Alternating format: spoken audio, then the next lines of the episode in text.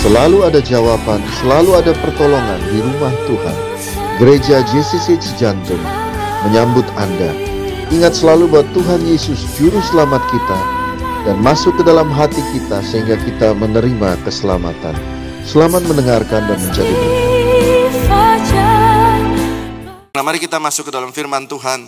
Selama beberapa hari ini uh, saya bertanya kepada Tuhan dan Tuhan memberikan satu hal yang simple sekali, sangat simple sekali dan saya berharap kita menerima firman ini.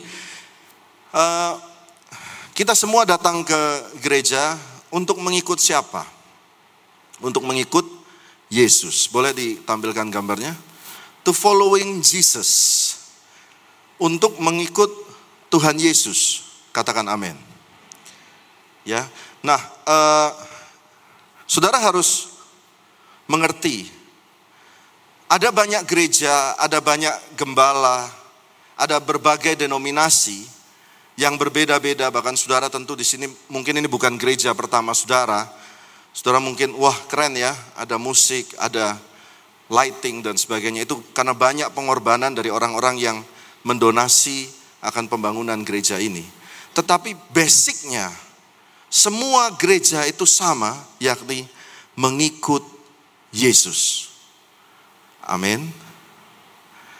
Nah, hari ini agak sedikit berbeda di mana apa sih mengikut Yesus itu? Kalau kita cari dalam kitab empat Injil, maka mengikut Yesus itu dijelaskan dengan kuat di dalam Lukas 15. Nah, perhatikan sejenak Saudara. Lukas 15, Saudara bisa lihat di layar. Lukas 15 ini bercerita tentang tiga perumpamaan. Berapa perumpamaan? Tiga. Ya, saya ulangin lagi. Tiga perumpamaan.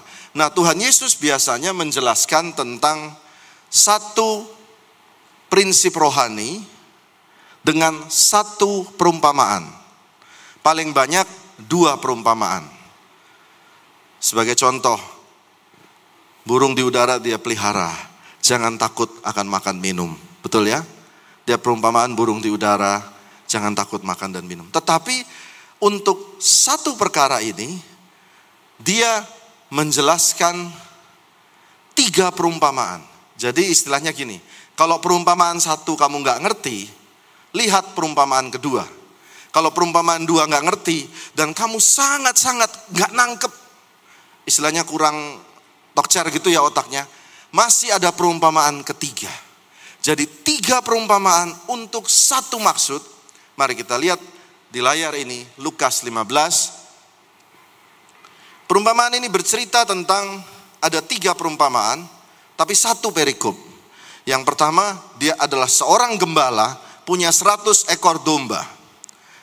Satu ekor domba hilang, pergi ke tempat yang salah, 99 99 domba di tempat yang benar lalu hilang satu domba. Perumpamaan yang kedua, ada wanita mempunyai sembilan koin, eh sorry bukan sembilan, sepuluh koin. Satu koin hilang, dan sembilan koin ada di tempat yang benar. Yang terakhir, perumpamaan tentang seorang bapak punya dua anak, anak sulung dan anak bungsu. Oke, gambar yang kedua, Nah, tiga perumpamaan ini, saya berdiri di sini di tanda panah. Dan Yesus berkata, follow me, ikut saya. Ikut ke mana?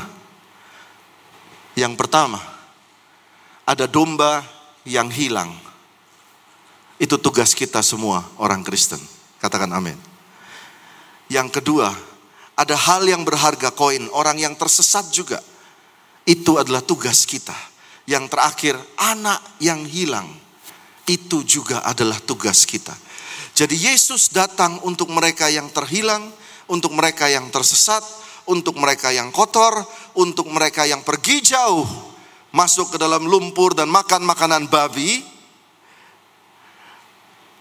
dan dia terhilang dan Yesus datang untuk ketiga kategori ini. Lalu Anda tanya, lalu mengikut Yesus ke mana Pak? Jadi orang kaya, jadi orang sukses. Saya kembali ke Injil. Ikut Tuhan Yesus adalah menolong orang yang susah, menolong orang yang hilang, menolong orang yang tersesat, menolong orang yang berdosa. Yang setuju dengan firman ini boleh kasih tepuk tangan buat Tuhan.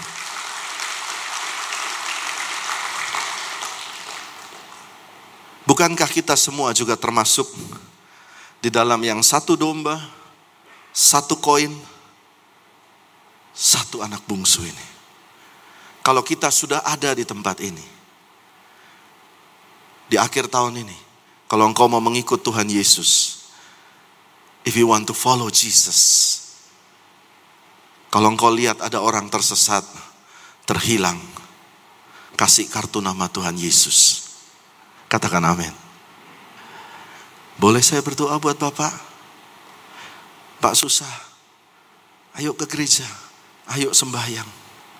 Kalau dia udah susah, jangan diinjek lagi. Udah susah diomongin, dijelekin. Itu bukan ciri khas kita orang Kristen. Orang Kristen lihat orang susah, dia kasih tangan, let me help you. Yang mau katakan amin. Kenapa saudara? Saya harus mengingatkan karena ini akhir tahun. Nah, saya firman ini sederhana.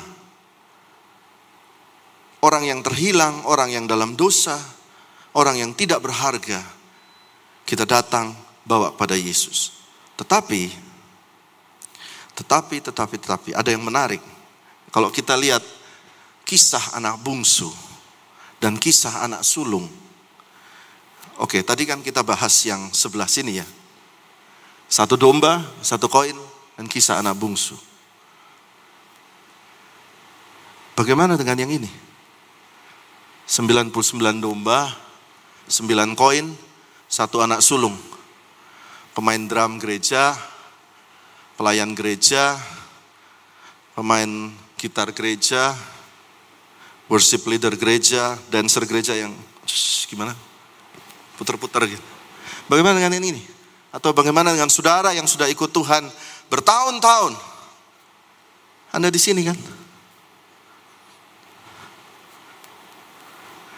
Nah ini yang mau saya bahas. Karena sering kali yang di situ juga terhilang. Baik, Saya mau cerita tentang anak yang sulung. Lukas 15 ayat 1 dan 2. Lukas 15 ayat 1 dan 2. Ups, sorry, sorry ayat 11. Sorry, ayat 11 dan 12. Mari saudara baca 1 2 3. Yesus berkata 1 2 3. Yesus berkata lagi, ada seorang mempunyai dua anak laki-laki. Ayat 12, 1, 2, 3. Kata yang bungsu kepada ayahnya, Bapa, berikanlah kepadaku bagian harta milik kita yang menjadi hakku. Lalu ayahnya membagi-bagikan harta kekayaan itu di antara mereka. Oke, stop dulu di sini. Lalu ceritanya anak bungsu itu memakai uang itu, dia pakai pergi ke kota, menghabiskannya dengan berfoya-foya, ditulis bersama dengan pelacur-pelacur dengan gaya hidup yang kacau sehingga akhirnya dia menjadi miskin sampai makanan babi pun mau dia makan. Lalu dia sadar dan bertobat si anak bungsu ini dan kembali kepada rumah bapaknya dan bapaknya menyambut dia. Nah lalu dibuatlah sebuah pesta ini perhatikan sudah dibuatlah sebuah pesta dan ada suara uh, seruling dan tari-tarian dari jauh. Dari jauh. Dipotonglah seekor lembu tambun kepada anak bungsu ini dan anak sulung mendekat dari jauh. Pertanyaannya adalah, kenapa anak sulung ini seperti tidak diundang dalam pesta daripada si bungsu? Nah, saya catat di sini Saudara. Seringkali kita yang ada di dalam orang-orang Kristen 99 domba yang tak terhilang ini, sembilan koin ini, anak sulung yang ada dalam gereja ini, itu sering kali jealous, cemburu kepada orang-orang lain yang lebih sukses, cemburu kepada orang-orang berdosa yang lebih hebat hidupnya. Lalu dia dia mulai punya perspektif yang berbeda. Ini saya catat di sini ya. Perspektif yang pertama adalah dia memandang orang lain dengan sudut pandang dirinya sendiri. Nah, saudara saya mau saudara koreksi di akhir tahun ini. Dia memandang orang lain dengan sudut pandang dirinya sendiri. Lihat Lukas 15 ayat 30. Tetapi baru saja datang anak bapak, ini dia bilang, anak bapak yang bungsu itu memboroskan harta kekayaan bapak bersama-sama dengan pelacur-pelacur. Maka bapak menyembeli anak lembu tambun itu untuk dia. Saya yang berdoa, saya yang berpuasa. Kok teman saya yang yang apa berdosa itu punya istri tiga, kok malah beli mobil baru? Baru saja anak bapak telah memboroskan harta. Dia memandang orang dari sudut pandang dirinya sendiri. Nah, saudara hati-hati. Kalau saudara terlalu lama di gereja, saudara mulai menjadi orang yang sombong rohani. Sombong rohani itu di, di kantor eksklusif sendiri. Sombong rohani itu apa? Waktu ketemu orang berasa dia yang paling rohani. Nah saya, saya cerita ada seorang hamba Tuhan, ada seorang hamba Tuhan sudah meninggal, dia cerita, pernah cerita begini, saya ingat kesaksiannya karena betul sekali, dia dia, dia cerita begini. Dia pada satu hari dia pergi pelayanan ke sebuah uh, gereja di Jawa Tengah. Lalu di situ ada akuarium. Nah waktu dia duduk menunggu jadwal dia khotbah, di akuarium itu ada ikan-ikan yang ditaruh tempatnya kecil. Lalu dia lihat ada ikan yang paling kecil, itu dikejar sama ikan yang uh, lebih besar sedikit. Jadi ikan yang paling kecil dikejar, digigitin, dikejar, digigitin sampai lemes gitu dan badannya coel-coel oleh ikan yang lebih besar. Nah, hamba Tuhan ini berasa kenapa ya? Kok nggak ditolongin si kecil ini? Lalu dia berkata, ini ikan yang dimasukkan di akuarium ini sama jenisnya, ikan hitam. Ikan berwarna hitam, digigitin terus yang kecil, digigitin terus yang kecil, digigitin terus. Padahal podo-podo irenge katanya. Padahal sama-sama ikannya. saudara mulai nangkep. Saudara melihat orang lain lebih tidak pantas daripada saudara hanya karena saudara berpredikat engkau rajin gereja, engkau asyir, engkau pelayan Tuhan. Di mata Tuhan sama. Tidak boleh sombong rohani. Lihat orang yang datang kepada Tuhan. Ada dua orang, yang satu berkata, Hai Tuhan, aku telah melakukan A, B, C, D, E, F. Bersyukur aku ini, aku telah melakukan A, B, C, D, E, F, G, H. Sementara orang yang satu yang berdosa, dia menundukkan kepala. Ya Tuhan, ampunilah kesalahan kami. Yang mana yang Tuhan terima doanya? Yang merendahkan hati. Katakan amin. Rasul Paulus pertama kali, kalau saudara ikuti surat Rasul Paulus, pertama kali dia tulis surat kepada jemaat-jemaat dia berkata, "Aku ini sama dengan rasul-rasul." Jadi dia menyatakan dirinya sama dengan 12 oh sorry, 11 rasul Tuhan Yesus. Dia menyatakan, "Aku sama dengan mereka." Jadi kamu jangan kira aku tidak sama dengan mereka. Aku ini sama predikatnya. Itu kata Paulus. Tetapi turun ke bawah. Dia tambah kenal Tuhan. Ini perhatikan baik. Tambah kenal Tuhan. Tambah lihat Tuhan tambah lihat Tuhan, dia melihat dirinya semakin tidak berarti di hadapan Tuhan. Di dalam surat berikutnya, dia tulis, "Aku ini paling rendah di antara para rasul." Dua. Lalu dicatat pada tahun 65 AD, satu tahun sebelum Rasul Paulus mati dia mencatat yang ketiga, saudaraku semua, aku ini orang yang paling berdosa. Aku ini seperti pencuri. Aku ini paling berdosa. Saudara lihat, orang yang begitu dekat dengan Tuhan, tambah tinggi dia, hamba rendah hati dia. Hari ini saudara, di akhir tahun, introspeksi diri. Rendah hati. Katakan amin. Amin. Yuk kita nyanyi yuk. Di sini coba. Coba di sini. Ku mau cinta Yesus selamanya. Ku mau cinta Yesus selamanya. Meskipun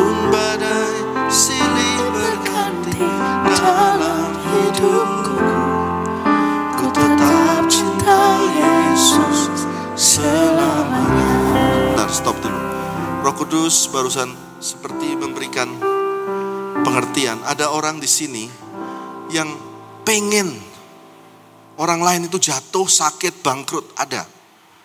Nah Roh Kudus ingin katakan, berhenti pemikiran itu. Kita pandang Tuhan, kita yang harus dibersihkan terus. Harus dibersihkan terus. Yang mau dibersihkan, katakan amin. Mari angkat tangan saudara. Ku mau cinta Yesus selamanya. Ku mau cinta Yesus selamanya. Meskipun badai silih berganti dalam hidupku, ku mau cinta Yesus selamanya.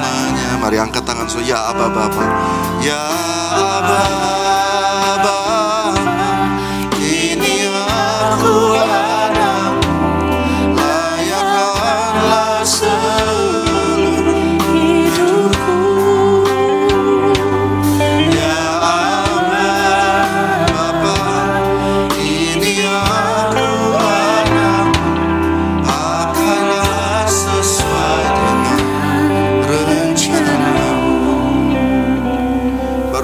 Kudus berkata, saudara yang tadi mengharapkan yang jahat buat orang-orang yang menyakiti saudara, belajar berkata, berkati dia Tuhan. Berkati dia, berkati dia. Dan saudara akan lihat mujizat berkat Tuhan tercurah buat saudara dan keluarga saudara. Kita lanjutkan. Yang pertama dia melihat orang lain dengan sudut pandang dirinya sendiri. Yang kedua, ya, yang kedua adalah dia melihat bapaknya itu berbeda dengan sudut pandang dirinya sendiri. Saya ulangi lagi. Yang kedua, dia melihat bapaknya itu berbeda karena sudut pandang dirinya sendiri. Ya, saudara lihat, dia berkata di ayat, coba Lukas 15 ayat 30, tetapi baru saja datang anak bapa yang telah memboroskan harta kekayaan. Baca saudara, bersama dengan pelacur-pelacur, baca, maka bapa menjembeli anak lembu tambun. Garis bawah anak lembu tambun itu untuk dia. Ayat selanjutnya, ayat 31. Oke, oke, stop, stop. Balik lagi ayat 30. Maka bapak itu menyembeli anak lembu tambun untuk dia. Ayat 32, lompat ke 32. 33. Saya nyari. Oh, udah habis ya. Oke, oke. Berarti bukan ayat itu, ayat 29. Maaf ya Saudara ya. Ayat 29, Lukas 15 ayat 29. Coba Saudara baca. Telah bertahun-tahun aku melayani Bapa dan belum pernah aku melanggar perintah Bapa. Aku pelayanan tiap minggu. Yuk, koriki. Aku pelayanan tiap minggu. Mana tuh? Dodok ya. Aku nggak pernah ngapa-ngapain. Setia sama gereja, tetapi kepadaku belum pernah Bapak berikan seekor anak kambing untuk bersuka cita dengan sahabat-sahabatku. Keirian jealous sama orang, sakit hati sama orang, menutup perspektif anak ini terhadap bapaknya. Nah mari saudara lihat Lukas 15 ayat 1 dan 2. Benarkah perkataan ini? Lukas 15 ayat 1 dan 2. Lukas 15 ayat sorry ayat 11 ayat 11 dan 12. Yesus berkata lagi ada seorang mempunyai dua anak laki-laki. Baca dengan saya baca lagi. Dua anak laki-laki. Berapa banyak? Dua ayat 12. Kata yang bungsu kepada ayahnya, Bapak berikan kepadaku bagian harta milik kita yang menjadi hakku. Lalu baca ayat ini, lalu ayahnya, saudara baca, lalu ayahnya ngapain? Membagi, bagikan harta kekayaan itu di antara mereka. Mereka itu siapa? Mereka itu dua anak itu. Jadi sebenarnya sudah dibagi. Jadi bohong kalau dia bilang dia nggak punya anak lembu tambun. Itu karena sakit hatinya dia. Saudara punya semua ini sudah diberkati. Katakan amin. Mungkin saudara kurang waktu yang tepat. Apa? Koneksi yang tepat. Saudara perlu hikmat. Bukan nyala-nyalain orang lain. Katakan amin. Hati-hati kalau perspektif saudara terhadap Allah Bapak kita itu berbeda. Bapaknya udah bagi kok. Jangan sampai punya perspektif yang berbeda. Nah, yang terakhir, udah sampai terakhir saudara. Lalu nanti saudara pulang, hari ini gereja saya dan istri membagikan makan siang buat saudara. Saudara pulang, makan siang tujuannya apa saudara? Waktu saudara makan dari gereja, saudara tahu Tuhan mau memberikan saudara kekuatan untuk masuk 2022. Berikan tepuk tangan buat Tuhan Yesus. To strengthen you supaya saudara ingat Tuhan memberi makanan dan ada makanan di rumah Tuhan meskipun istri saya yang bayar. Nanti saya dipotong biaya kopi saya. Tapi demi saudara, ini curhat apa-apa ya saya nggak tahu. Oke, yang yang terakhir, bagian terakhir ini menarik sekali. Pada satu waktu Tuhan Yesus membasuh kaki murid-muridnya, 12 murid-muridnya, satu persatu dibasuh dengan handuk ya, mungkin handuk atau kain. Ya, dia basuh kaki murid-muridnya yang kotor, 12 muridnya. Dan saudara tahu, kaki itu dalam segala macam budaya, kaki itu sesuatu yang kotor sesuatu yang tidak layak. Saudara kalau ketemu sama pejabat ya, ini ada ada tamu tamu ada pesan kami dari Pulau Rote, seorang pengusaha dari Pulau Rote, pengusaha uh, apa namanya proyek-proyek begitu. Kalau berhadapan dengan pejabat-pejabat, ya ada Pak Ryan juga ketemu bos-bos begitu ya, ketemu proyek. Saudara berani angkat kaki gak? Gak berani ya.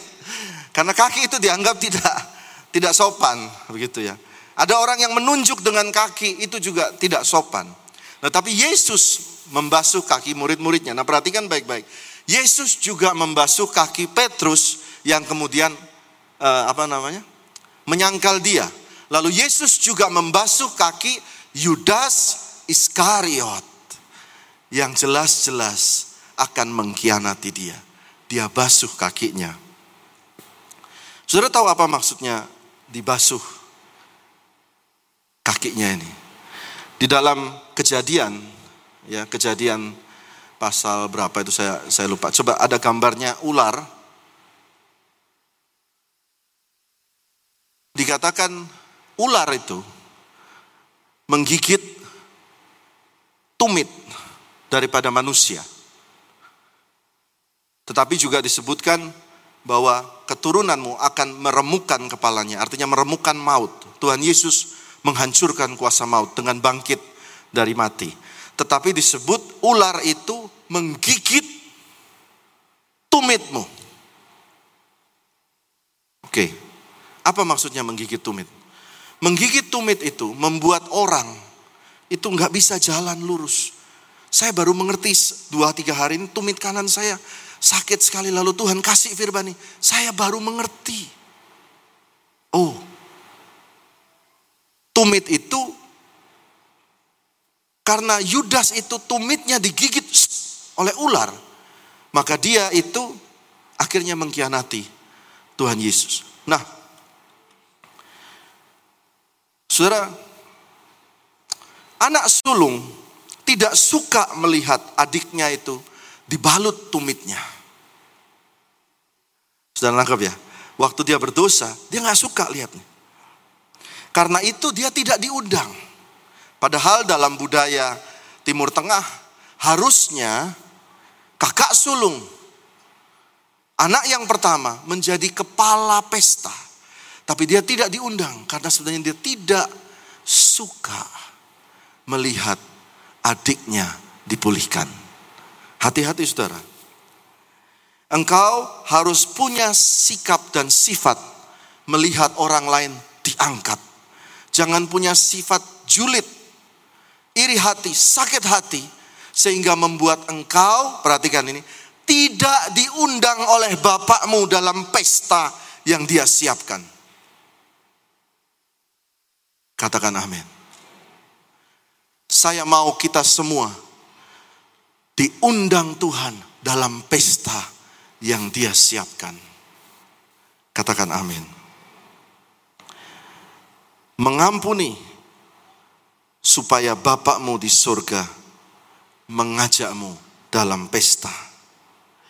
Bahkan pada bagian terakhir dari firman siang ini, Matius 18. Oh sorry, sorry, saya tunjukkan gambar dulu tentang gambar Yesus dan domba.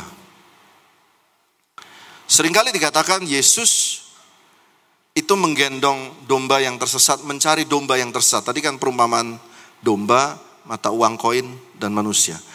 Ini kan, tetapi gambar ini salah. Gambar yang sebenarnya, cara menggendong domba itu, coba lihat ada yang saya kirim, seperti ini. Saudara tahu kenapa kenapa digendong seperti ini? Karena biasanya kakinya itu luka. Seperti tumit tadi, luka. Waktu luka, you, kita pengikut Kristus, gendong. Tetapi pagi hari ini, aduh Tuhan, bro, C bro, C, C.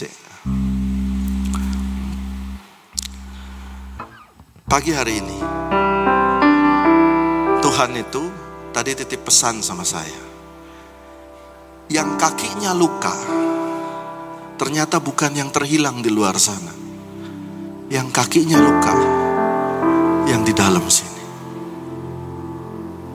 Sehingga waktu berkat Tuhan tercurah, pesta itu mau dibuat. Seringkali saudara tidak diajak Tuhan. Jadi pada pagi hari ini, saya mau berdoa buat saudara dan Tuhan balut semua kaki saudara yang sedang digigit oleh ular itu. Mari bangkit berdiri.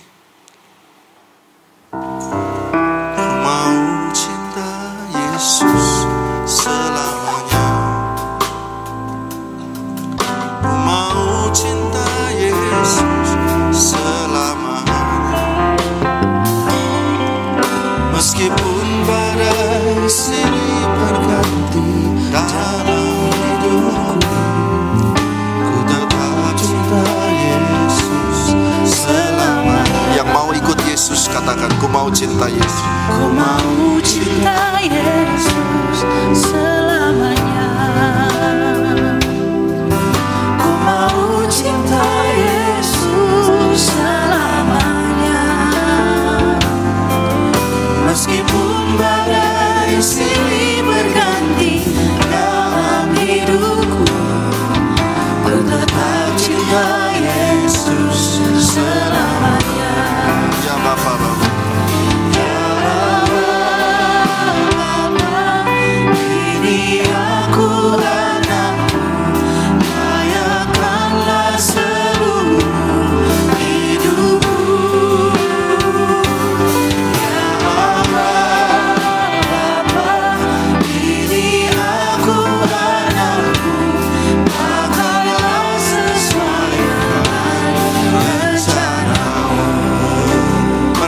tundukkan kepala semua Saya mau berdoa buat saudara Tuhan tunjukkan kepada saya masih banyak sakit hati, rasa pedih, kegagalan. Bahkan tadi Tuhan spesifik saya catat di sini Tuhan berikan ada yang berkata I am not good enough.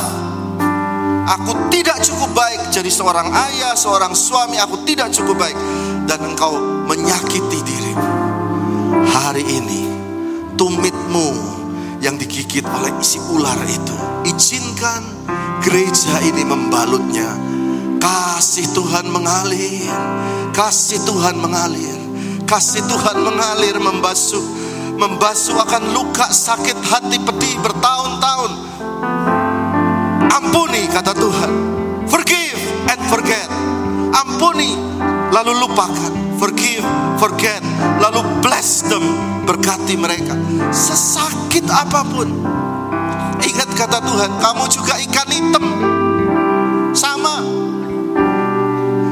Ampuni, lupakan, berkati, supaya nanti 2022 kamu masuk pesta dengan Tuhan. Sudah berkali-kali pesta kamu cuma lihat karena kakimu itu loh. Lepaskan pengampunan pada hari ini. Biar hatimu bersih masuk 2022. Dan yang kedua, apabila engkau lihat orang yang sedang hilang, susah, kurang, jangan hakimi dia, tapi berkati dia. Dan biarlah orang melihat Kristus di antaramu. Terima kasih ya Tuhan.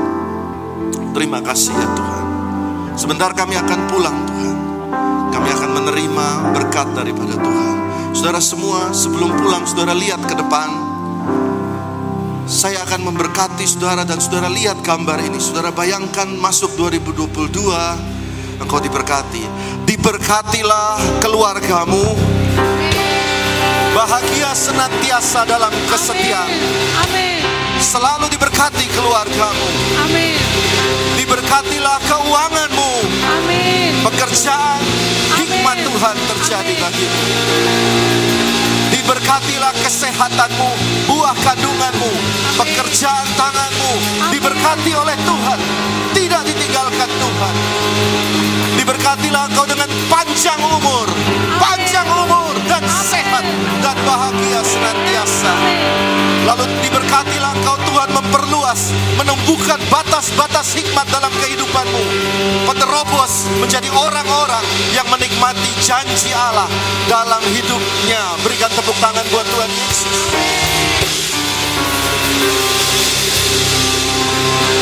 Tuhan memberkati engkau, Tuhan melindungi engkau, Tuhan menyinari engkau dengan wajahnya dan memberi engkau kasih karunia. Tuhan menghadapkan wajahnya kepadamu dan memberi engkau damai sejahtera. Semua yang siap tutup tahun ini dengan berkat, sama-sama katakan amin tiga kali. Amin.